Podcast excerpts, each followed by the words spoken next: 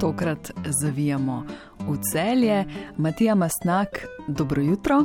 Dobro jutro. In odpeljal nas boš tja, kjer je eh, zdaj bolj jasno in tudi topleje, nam je povedal Blašter v vremenski napovedi. Torej, v hribe gremo, ne? Tako je, čeprav se je za večino planincev sezona že končala in zaradi epidemije v gore težko gredo tudi pozno jesenski in zimski gorniki, bomo tja skupaj odpotovali v mislih. Predstavil bom zgodbo o dotav pogoreli priljubljeni planinski koči, da ukrešlja v srčju Kamniško-Savinskih Alp in v gradni novega planinskega doma. Saj smo spremljali ne in vemo, um, res žalostna usoda. Spomni nas, Matija, kdaj je prišlo do požara in zakaj je zagorelo. Frišaufov dom na Ukrešlu je pogorel pred dobrim letom, lanskega novembra. Zagorelo je v nevihnih dneh, ko v bližini koče ni bilo nobenega planinca. Tako da je novica do planinskega društva Celje Matica, ki upravlja s kočo, prišla šele po nekaj dneh, ko je od nje ostalo le še nekaj ožganih zidov. A vzrok požara ni bila strela, kot so sprva predvidevali, temveč napaka na električni napeljavi. Poslušajmo vtise skrbnika koče Boštjana Zajca, ko je izvedel za požar, posnel sem ga ob znožju obsla Porinka, ki ga boste slišali v zadju grozno. To se ne da povedati.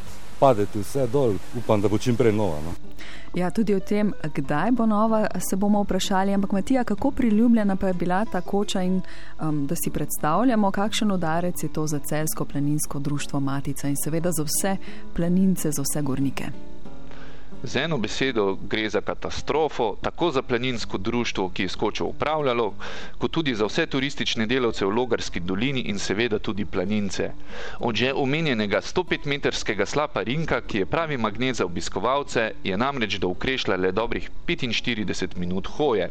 Ta je sicer kar zahtevna, strmna kamnita pot vodi tudi mimo samega izvira reke Savinje. Koče, kočo je letno obiskalo približno 25 tisoč ljudi. V njej so kuhali ričet, golaš, joto, dišalo je po svežem pečenem jabolčnem zavitku, se pohvalil skrbnik. Julij, avgust, se posebej okoli 15. avgusta, ko imamo mašo gor vsako leto, to je na tisoče ljudi bilo. No.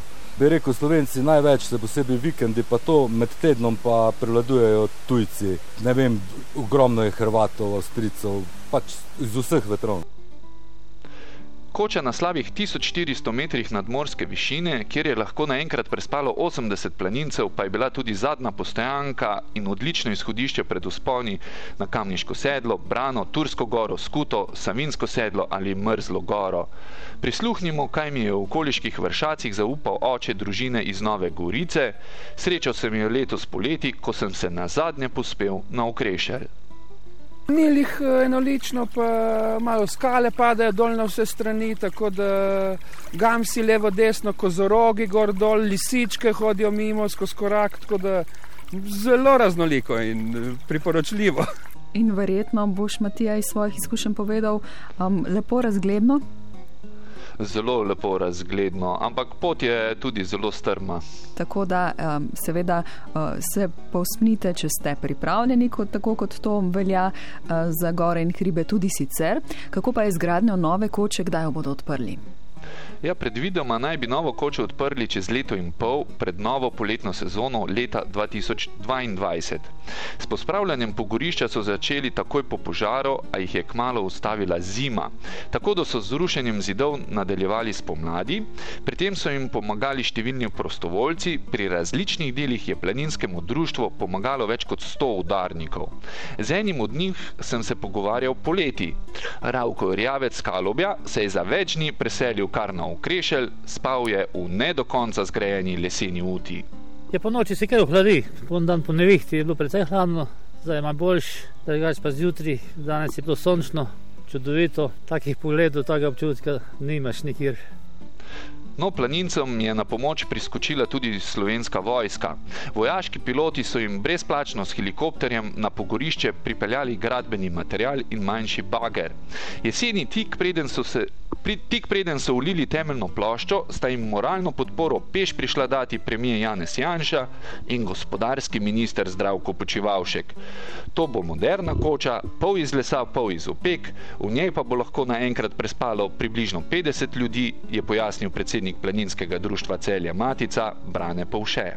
Bojo to tri etaže, pritliče bo zidano, v pritličju bo kuhna, pomožni prostori in pa ta dnevni prostor oziroma restauracija.